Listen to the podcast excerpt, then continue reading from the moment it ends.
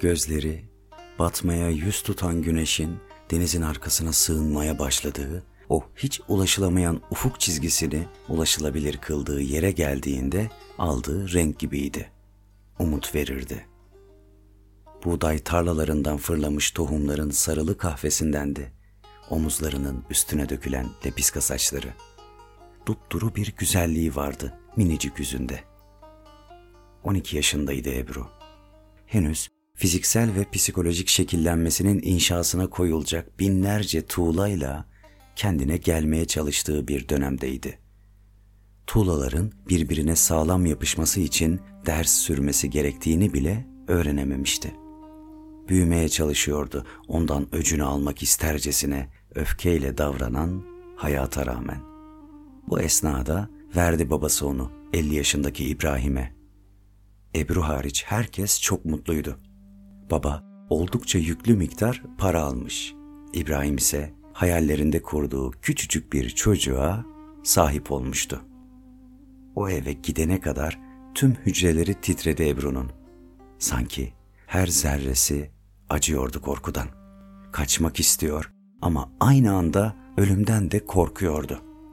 Ne garipti insanın her şart ve koşulda ölümden korkması.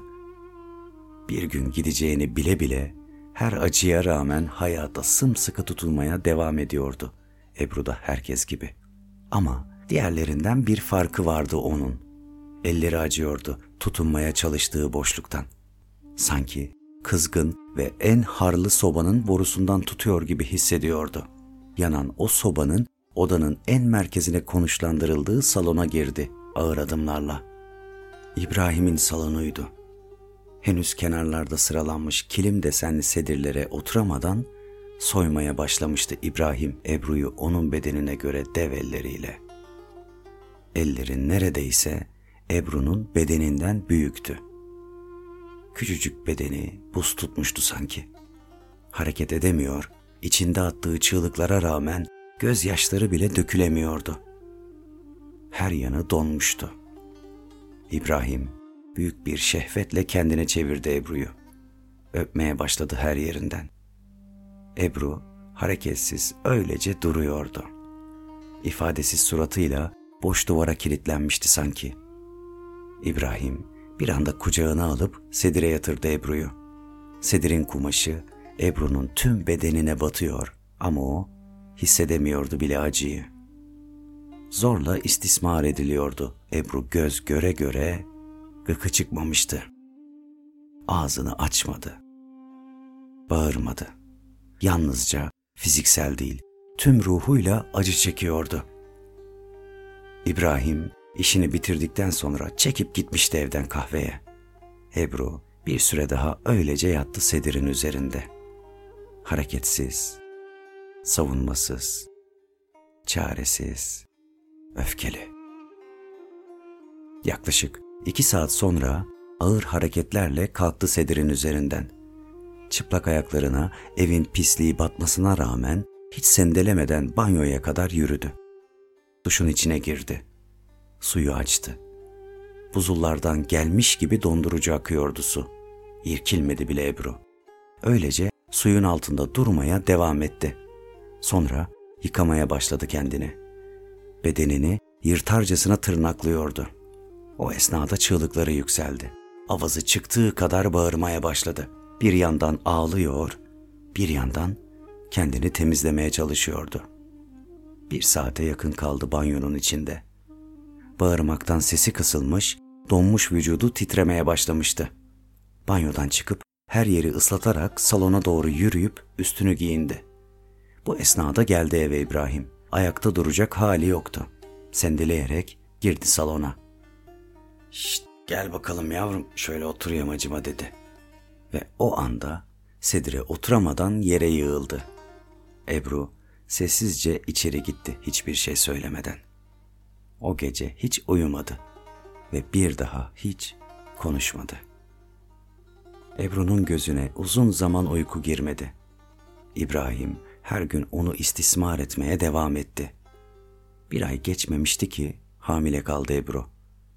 Henüz çocukluğunu yaşayamadan kendi çocuğuna annelik yapacaktı. hayatın sırtına her geçen gün fırlattığı bu yüklerle nasıl başa çıkabileceğini bilmiyordu. Bilinmezliklerini de aydınlatamayacaktı. Kimseye bir şey söylemedi. Hiç konuşmadı. Ağzından tek kelime bile çıkmadı. İbrahim kahvede oturdukları sırada Ebru'nun hiç konuşmamasından şikayet ediyordu babasına. Hacı, bana kızı alırken dilsiz bu demedin. Bak bu böyle olmaz. Düzelir, düzelir diyorum, konuşmuyor. Olur mu öyle şey İbrahim? Dilsiz falan değil. Nazlanıyordur o sana, düzelir. Vallahi ben bilmem. Bu mevzu uzarsa külahları değişiriz. Ha bu arada, bu daha 13 yaşında. Hastanede doğuramaz. Ne yapalım? Bir ebe falan ayarlamak lazım. Karnı burnunda doğurmaya kalkmasın. Sen merak etme halledeceğim ben. Gönderirim ebeyi size. Hastane falan yok ona dedi. İbrahim ikna olmuş, içmeye devam ediyordu. Yine her akşamki gibi. O akşam sabahtan beri ara sıra giren krampları artmıştı Ebru'nun. Dememişti yine kimseye bir şey. Sesi kesilmiş, öylece çökmüş, sobanın yanında oturuyordu. Birden öyle bir sancı girmişti ki aylardır nefes alışverişinden başka ses duyulmayan boğazından iniltiler gelmeye başlamıştı. Zoraki kalktı çöktüğü yerden. Dikelemiyor, Notre Dame'ın o koca kamburunu sırtına yerleştirmiş gibi yürümeye çalışıyordu. Dişlerini sıkmış, kendini kasmış, acılar içinde yan komşusuna ulaşmayı başarmıştı. Zili çaldı. Kapıyı Aysel açtı. O saniye yığıldı yere Ebru. Acıdan bayılmıştı. Aysel çığlık çığlığa kocasına seslendi. Halil koş kız ölüyor yetiş. Dur hanım geldim hadi çabuk hastaneye götürelim dedi ve kucakladı Ebru'yu. Külüstürlerine bindirip hızla götürdüler. Ebru'nun yüzü boyunca akıyordu terler. Acilden girdiler hastaneye. Çok geçmeden operasyona alındı. Ebru henüz doğumdan çıkmadan hastane polisleri de Aysel ve Halil'den aldıkları bilgilerle sarhoşluktan ayakta duramayan İbrahim'i gözaltına aldılar. Henüz 13 yaşında anne olmuş, zorla imam nikahıyla evlendirildiği kocası da cinsel istismar suçundan tutuklanmış, babası ise çoktan yok olup gitmişti ortalıktan. Hastanede kucağına bebeğini verdiklerinde ne hissedeceğini bile bilemeyecek kadar çocuktu Ebru. Öylece kalmıştı ortada. Kimsesi yoktu. Aysel ve Halil yardım ettiler Ebru'ya. Küçük kızının adını da Aysel koymuştu büyük bir olgunlukla. Çocuk Esirgeme Kurumu tarafından alındı çocuk kısa zamanda. Ebru da ölen annesinden kalan tek hatırası teyzesinin yanına İstanbul'a gitti. Hasret gidereceğini, huzurla yastığa başını koyacağını zannettiği teyzesinin yanına gittiğinde onun da çoktan batağa saplanmış, parasız pulsuz ölüme direndiğini gördü. Hiç konuşmamaya devam ediyordu. Söyleyecek söz de yoktu ya. Teyzesini ararken tanışmıştı Ferhat'la. Teyzesinin deposunda kaldığı apartmanın girişinde karşılaşmışlardı. O da aynı apartmanda oturuyordu. Karşılaştıklarında Ebru Ferhat'ı durdurup teyzesinin eski bir fotoğrafını göstermişti. Aa, biliyorum bu kadın apartmanın deposunda kalır. Sen ona mı geldin dedi. Ebru yalnızca başını salladı üzülerek. Niye konuşmuyorsun hiç dediğinde de cevap alamadı Ferhat. Ebru yaşadığı travmaların etkisiyle susmuştu. Zaten hayatta hiçbir şey söylemeye dili de varmıyordu artık. Peki dur bakalım istersen gel bize. Bu kadın geceleri gelir bekle burada. Geldiğinde inersin yanına dedi. İyi birine benziyordu Ebru'ya göre. Şeker uzattıklarında kanmayacak yaşını yaşayamamıştı ama hala çocukluğu içinde bir yerlerde yaşamaya devam ediyordu. Kabul etti başını sallayarak. Eve gittiler. Ferhat Ebru'ya hiçbir şey yapmamıştı. Aksine ona usulca ve sakince yaklaşmış, yemek vermiş ve cevap alamasa da onunla konuşmuştu. Sen anlatmıyorsun, ben anlatayım bari. İstanbul'a yeni geldim ben de Tekirdağ'dan. Okuyorum burada. Gitar çalıp şarkı söylüyorum.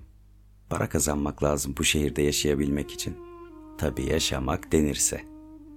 Öyle kalabalık ki burası. Sanki herkes buraya gelmiş koşuyor gibi. Zaman daha hızlı akıp gidiyor gibi. Geleli üç ay oldu ama ne ara oldu hatırlamıyorum. İnsan unutuyor her şeyi burada. Gerçi bizim memlekette unutmak salgın gibi. Aslında çok güzel şehir bakma. Şöyle denizin kenarında oturup bir bakınca boğaza sanatçı olası geliyor insanın. Boşuna yazılmamış o kadar şiir, kitap, şarkı buraya.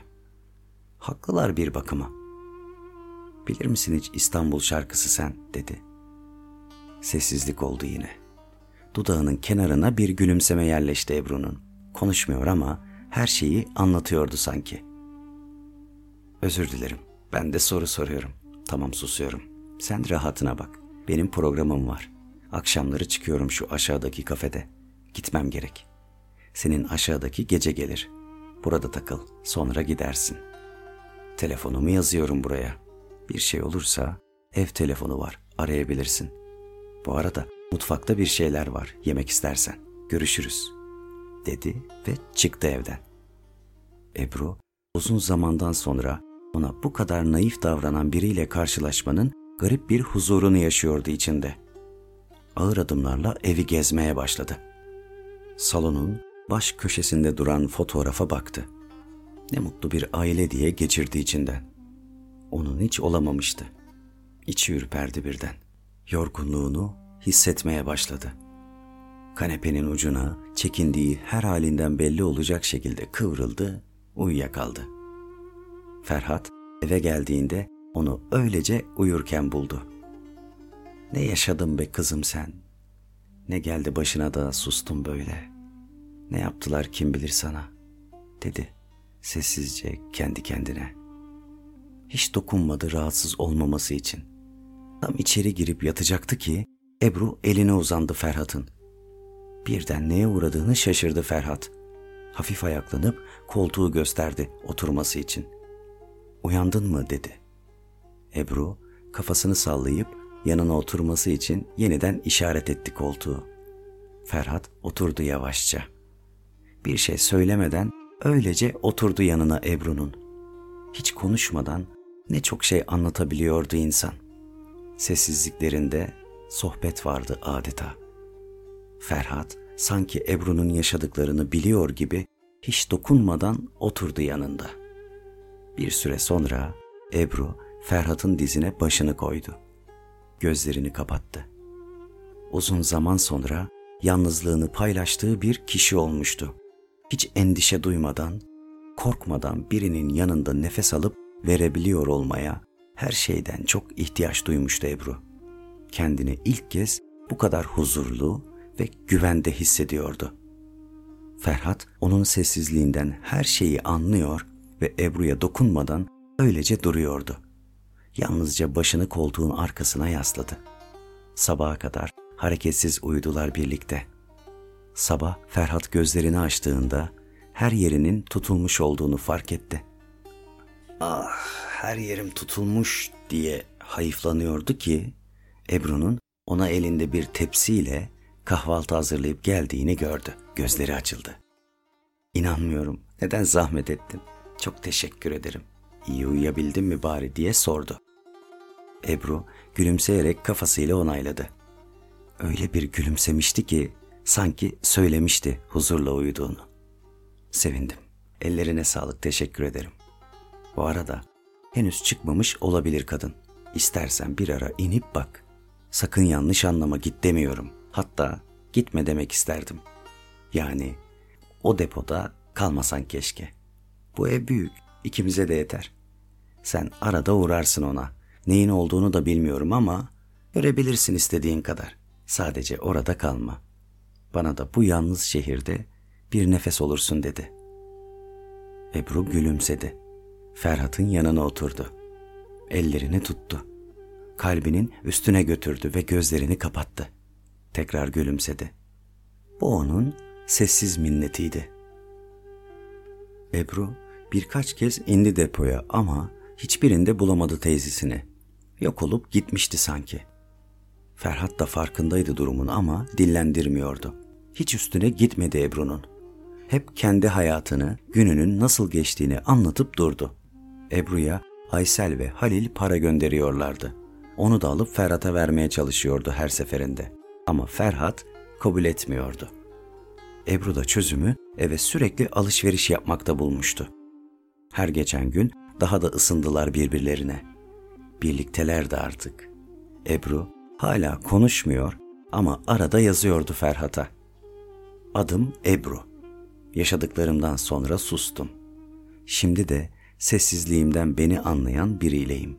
İyi ki varsın. Uzun zamandır ilk kez bu kadar iyiyim. Şu kısacık hayatıma sığan kötülüklerin hepsi yok oldu gitti sanki. Hayat hediye gönderdi bunca yaşadığımdan sonra seni bana. İyi ki gönderdi. Sen olmasan nasıl devam ederdim bilmiyorum. İyi ki varsın. Seni seviyorum.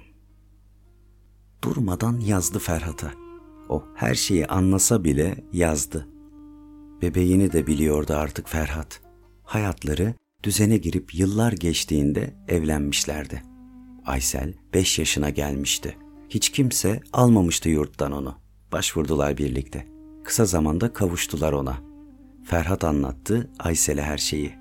Sakince, severek anlattı. Ebru da başını okşadı kızının. Durmadan sarıldı. Ebru hiç öfke duymamıştı Aysel'e. Onu küçücük aklıyla bile suçlamamıştı. Hep sevdi. Ebru ve Ferhat'ın bir kızı daha oldu. İsmini Duru koydular. Resmen bir aile olmuşlardı artık. Ferhat hala barlarda sahne alıyordu. Artık daha çok para kazanıyordu. Bir gece her zamanki saatini geçirmiş, hala gelememişti eve. Ebru endişelenmeye başlamış, Aysel ve Duru uyumuş, Ebru ise onu bekliyordu çaresizlik içinde. Bir telefon geldi sabaha karşı. Merhabalar. Ferhat yazıcının eşiyle mi görüşüyorum dedi bir ses. Ebru cevap vermeye çalışıyor ama sesi çıkmıyordu. Ferhat Bey gece barda çıkan bir çatışmada hayatını kaybetti diye devam etti sözlerine. Telefondaki ses konuşmaya devam ediyor ama Ebru hiçbir şey duyamıyordu artık. Her şey bir uğultuya dönüşmüştü sanki. Etraf buğulanmıştı. O anda avazı çıktığı kadar bağırmaya başladı. Ebru yıllar sonra sustuğu günkü gibi çığlıklar atıyordu. İşte böyle başladı bedenini satmaya. Eğer hayat seni bedenini satmaya ikna etmişse, o yıllar önce avucunun içinde hayata tutunurken başlayan yangın hala dinmediyse, sen hala tutuyorsan o sobanın harlı borusundan bırakma bir daha. Yangının geçmeyecek belki ama başka avuçlar için umut olacaksın. Ebru geceleri uyuttuğu Aysel ve Duru'yu bedenini satarak kazandığı parayla yaşattı. Onların elleri hiç yanmadı.''